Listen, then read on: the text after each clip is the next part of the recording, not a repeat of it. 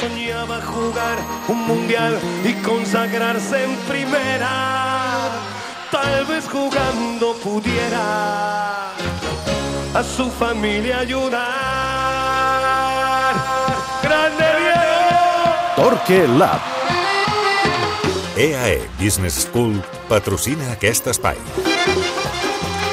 Ricard Torquemada, bona tarda. Bona tarda. Ara en parlàvem amb l'Edu, amb el Marcos, amb el Salmurri. És evident que ahir no va sortir res del dret pel, pel Barça i és per això que volem sotmetre al nostre laboratori mm. què creus que pretenia Xavi, atenent a l'alineació que, mm. que va presentar, pel partit d'ahir i sí, tot i que sembla bastant evident, eh, hi ha alguna cosa que, que creus que, que va assolir? Bé, jo crec que plantejament va ser tenint el partit de l'Inter al cap, que el partit no es trenqués, que el Barça no hagués de córrer endavant i endarrere, que no hi hagués un partit obert perquè és conscient que el físic del Madrid eh, l'atropellaria com va fer l'Inter a la segona part quan parlem a vegades si el Barça necessita més físic, eh, jo crec que no necessitaria més físic si és capaç de controlar el partit a través de la pilota. Si el, la pilota corre i l'equip és segur en aquest, està segur en aquest sentit eh, i creu en allò que fa i troba les superioritats numèriques, eh, el futbol ha canviat, però no ha canviat tant. El problema és si això no ho fas bé, aleshores es nota la teva falta de físic. Eh, clar, aquesta és una, aquest és un debat històric que potser un dia sí que canvia definitivament, no? Però vull dir, eh, havíem fet aquí a Catalunya Ràdio, jo recordo, debats a l'any 2004 sobre que el futbol de Sí, els, de Cruyff, els tres no, partits no poden jugar junts. no podia sí, home, tornar, i després es va... Sí. És un debat ja de veterans, aquest, eh? Correcte. I el, i, i, I el futbol ha anat desmentint que allò estigués caducat per norma. Ara és evident que si no ho fas bé, doncs com els equips estan molt preparats físicament, cada cop tens menys espais i menys temps eh, per eh, reaccionar, de cop i volta t'atropellen, com et va atropellar eh, l'Inter, i com t'atropella selectivament el Madrid. Ahir, perquè en el fons el que fa el Madrid és atropellar-te una vegada al minut 11, la vegada del segon gol i i potser alguna esgarrapada més, però tampoc però és molt selectiu. També és molt selectiu perquè el Barça anava amb les instruccions de no perdre pilotes, de jugar llarg, de tenir possessions i una elaboració, diríem que que eh, molt processada perquè el Madrid justament no pogués fer les fuetades eh, en les transicions. Jo crec que el partit des d'aquest punt de vista no estava mal enfocat perquè sabies que Sergi Roberto era inferior en velocitat a Vinícius, perquè sabies, saps que el Barça és un equip que li costa córrer cap enrere, que probablement entenies que el Barça més venia castigat de la factura física de l'Inter i per tant li, li interessava un partit més que mai de control, de revolucions baixes quan el Barça tingués la pilota.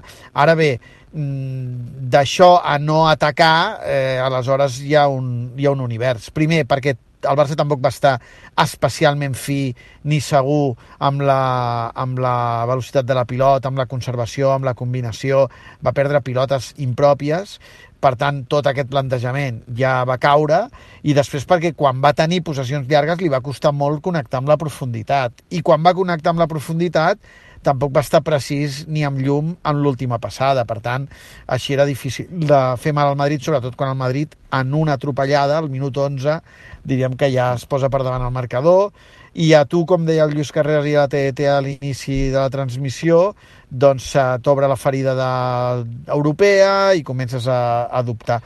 Jo crec que el Barça no va executar bé el que va pensar Xavi i fins i tot, clar, a partit passat, perquè ens entenguem, potser si aquesta era l'objectiu o si, aquest, si aquesta era una mica l'horitzó, si aquest era, aquesta era la intenció, potser el Xavi podria haver optat per una fórmula que no ha fet gaire, sobretot ara, sí quan va arribar del quart migcampista, perquè jugar amb els dos extrems, ara en parlarem, eh, tenir-los controlats és antinatura i tenir-los eh, amb la llibertat d'encarar eh, t'obre molt el partit.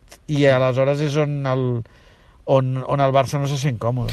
Ara ja anirem a això d'aquesta opció del quart migcampista, que és una, una via interessant, però abans, deia Ancelotti després del partit, vaig prendre nota del que ens van fer el 0-4 de, de l'any passat i pel que expliques, Xavi pretenia fer una cosa bastant similar, perquè fins sí. i tot repeteix al mig del camp, Dembélé repetia d'aquell 11, és veritat que Rafinha i Lewandowski no, no repetien i Dembélé no va jugar a la dreta, però entenc que la idea és similar. Aleshores, si l'any passat va anar tan bé i aquest any va anar tan malament, mm, hi ha una qüestió de, de moment de confiança, com ara apuntaves, o, o n'hi ha alguna més? No, segurament, no, no he pogut veure revisat el partit, però segurament el Madrid va ajustar més tots els carrils interiors i va deixar que el Barça ataqués eh, una miqueta més eh, per fora. I després hi ha la falta de confiança del Barça, que jo crec que és clau sobretot per jugar això. Per, perquè mm, eh, hi ha moltes maneres de jugar a futbol i n'hi ha algunes que eh, estàs obligat a estar especialment fi i d'altres que has d'estar especialment eh, intens o competitiu o, o tenir instint de supervivència. Hi ha moltes maneres de, de, de jugar al futbol, però aquest pla necessita estar dolç, necessita que pensis ràpid, que executis fi, que tothom s'interconnecti, que tothom entengui exactament per què s'està fent el que s'està fent eh, fins que eh, la història no demostri el contrari, és la manera com el Barça ha guanyat el Bernabéu i la manera com el Barça ha golejat el Bernabéu. Per tant, a mi em sembla bé que Xavi opti per sí, la, sí per la mateixa via. Eh, i, I més amb els problemes, insisteixo, que tenia el Barça a la banda de, de Vinícius. L'entrada de Sergi Roberto per tenir un futbolista més per dintre i un jugador que et dona conservació i et dona continuïtat a la pilota. El que passa és que el Barça ni tan sols va estar fi en aquest pla, ja no t'explico en, el, en, en, la, en, les, en els capítols posteriors, no? que eren la pressió, que no era prou intensa, la interpretació del partit a l'hora de fer la falta, per no córrer cap enrere, eh, la, la llum en, últim, en els últims metres, eh, que els extrems se sentissin còmodes amb la idea i la sensació sobretot amb Dembélé que no sabia ben bé com, quan havia d'atacar, més va, després va anar dintre perquè Xavi va veure que el, que el Madrid tancava molt i per deixar-li la banda a Valde. Van, van, van anar passant coses que no van fer sentir còmode l'equip. No? Um, ho deies, bé, és molt fàcil l'endemà, a posteriori tots, intentar eh, pensar què és el que no hauria d'haver fet el Barça per millorar eh, el resultat, però ho deies ara. Eh, històricament, el Barça, com ha guanyat el Bernabéu, és a través d'aquest pla de, del eh. control. La qüestió és si eh, les virtuts, crec que ho plantejava ahir al Costa, al Club de la mm. Mitjanit, les virtuts que tenen els futbolistes que té ara mateix Xavi et permeten jugar això o conviden a jugar a una altra cosa. I ho dic sabent que l'any passat, sí. jugant a això, vas guanyar 0-4, eh? Clar. Però, eh, per exemple, el fet dels dos extrems. L'any passat no, un dels dos era tancat, un era, si no m'equivoco, Ferran Torres. Sí. Sí, eh, sí. Per tant... Eh, Bé, sí que els tens. Una altra cosa és que no els tris. No? Clar, clar. Exacte. E, e, e, insisteixo que és un punt trampós perquè és a posteriori. Sí, Però sí. Eh, hauria convingut potser uns altres futbolistes per jugar a això?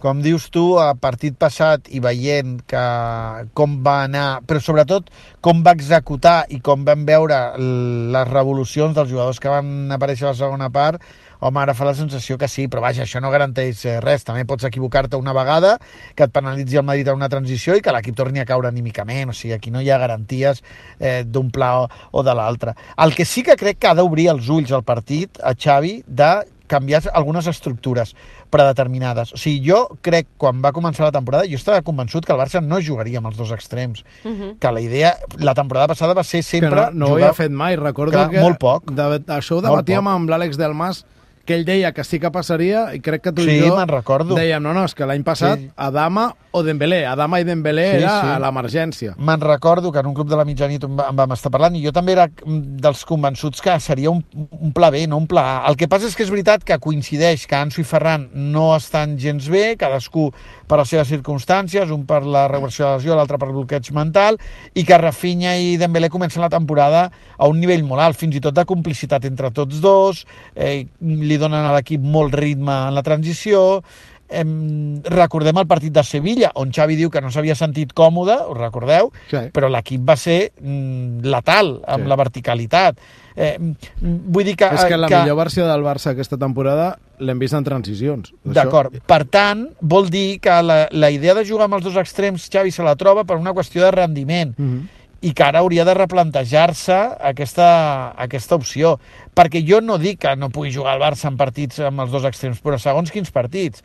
Perquè, torno al mateix, és molt difícil jugar amb aquests extrems o amb tridents tan autosuficients, perquè Rafinha i Dembélé són jugadors que miden a la cara l'oponent i que necessiten velocitat i profunditat i necessiten espais. Per tant, quan els tinguin, els aprofitaran i que l'equip eh, no es trenqui. És molt difícil, perquè eh, l'esforç que han de fer la línia defensiva i la línia de mitjos per tornar a apropar-se als davanters en la pèrdua és, és complicat, sobretot per eh, jugadors que potser no tenen les cames adequades per fer aquest esforç. No oblidem que amb el trident, eh, que era un altre nivell, Messi, Neymar, eh, Suárez, que era un altre nivell, eh, Luis Enrique acaba posant Rakitic allà com a, com a cola perquè, perquè allò, diríem que enganxi, no? Eh, mm. Vull dir que no, si no, si no l'equip es trencava. I jo crec que, que en les circumstàncies que estem vivint ara, una de les opcions és pas, passa per aquí. Que l'equip torni a, o que Xavi torni al que jo crec que ens va ensenyar l'any passat i que ha canviat per una qüestió de rendiment, el que ajudarà que l'equip sigui estigui més agrupat, que un extrem pugui oferir més joc per dintre, que tu tinguis l'amplitud a una banda amb un extrem i a una altra banda amb el lateral, perquè és veritat que pots dir, bé, avui m'enfronto a aquest equip, m'interessa això, però és que fa la sensació que els tres del mig camp, ahir amb el canvi de Dion, i els tres del davant havien passat a, estar a ser estructurals. Uh -huh. I jo crec que al Barça això no, no, no li convé pel que Xavi vol. I de pas I que... els dos extrems et podran jugar per la dreta, que és, sembla clarament la banda bona de tots dos. I però... que el rendiment ha fet que jo crec que Xavi s'inclinés en continuar donant carril mm. a aquests tres eh, jugadors, que no és el cas d'ahir, però és que el cas d'ahir és que els veiem domesticats, que no saben quan han d'atacar o quan han de girar el joc, que no volen arriscar o que volen arriscar poc perquè, perquè no volen que l'equip es, es trenqui i ells també es fan més inofensius. Per tant, eh, i responent a la pregunta que fem avui a la nostra audiència, que quina solució té aquest Barça, una que apuntes és eh, tornar a, a un jugador frontissa, i en aquest sentit tu veus més que Xavi recuperi un davanter que, que junti l'equip, digue-li Ferran Torres, digue-li Ansu, mm. que no pas que aposti directament per quatre migcampistes, que seria l'altra opció. Bé, és una altra via, i jo crec que depenent del partit et pot convenir una cosa o una altra, però jo, jo aniria al, al pla original, i el pla original que ens va ensenyar la temporada passada era el d'un extrem obert i un jugador per dintre. Eh, mm. el Barça així provarà si pot viure més agrupat, si pot pressionar més, eh, eh, més junt, si, si els extrems no t'estiraran tant en la transició. Eh, és que avui, avui jo vaig una mica endarrerit, però avui he vist la segona part del Celta i, i els últims minuts, clar, és que cada cop que rep Dembélé el que el cos li demana és córrer quan l'equip el que necessitava era tenir la pilota. Si, Dembélé si estàs per la segona part del Celta, et faig un spoilers, que la segona part de, de l'Inter i la del Madrid són pitjors. No, però vull dir que no les he revisat encara i, i, i feia, vaig, vaig, feia vaig endarrerit. Però, però el que vull dir és que eh, el que els hi diu el cos és el de mirar la porteria Clar, rival, sí, com sí, dius, contra l'Inter contra l'Inter encara més perquè tens l'angoixa de que has de guanyar, uh mhm. -huh. eh, no? Eh, i clar, això, això d'alguna manera s'ha de, de controlar i aquesta jo crec que és una via. Eh, L'altra pot ser la del quart migcampista, però encara ho tenim molt més enrere perquè Xavi ho va fer servir els primers dies que va arribar amb Gavi, però gairebé després ja ni ho va tocar més. Eh, però el, el que necessita el Barça, per mi, és tornar a estar agrupat, tornar a jugar el que pot jugar, ara no pot canviar eh, i fitxar múscul i físic i començar a tenir migcampistes amb cames deixem no, de mirar el mirall del Madrid clar. i del futbol no, europeu, fer, perquè no tenim plantilla que, per això. Fer bé no? el que fas, el que vols fer tu. Doncs exacte, doncs si tu has apostat per una altra alternativa, sí, sí. mira aviam quin és el millor context per eh, que aquesta alternativa funcioni. I jo crec que el millor context, tal com està el Barça ara, eh, eh, no és amb els dos extrems. O els dos extrems et marquen diferències com el Sánchez Pizjuán, o si no, eh, jo crec que has d'anar a un pla, diríem, com més equilibrat. Doncs la recepta del Ricard Torquemada després del clàssic, responent a la pregunta que fem avui a la nostra audiència, és que el futur immediat del Barça passa per reagrupar-se com a equip i, per tant, sacrificar una mica del vertigen o un molt del vertigen que ha exhibit en aquest inici de temporada. Molt bé, aquest resum has fet perfecte. Fet bé, eh? sí, molt millor del que, del que hem fet, és per penjar, És per penjar-ho a xarxes. Ricard, una abraçada, gràcies. Adéu.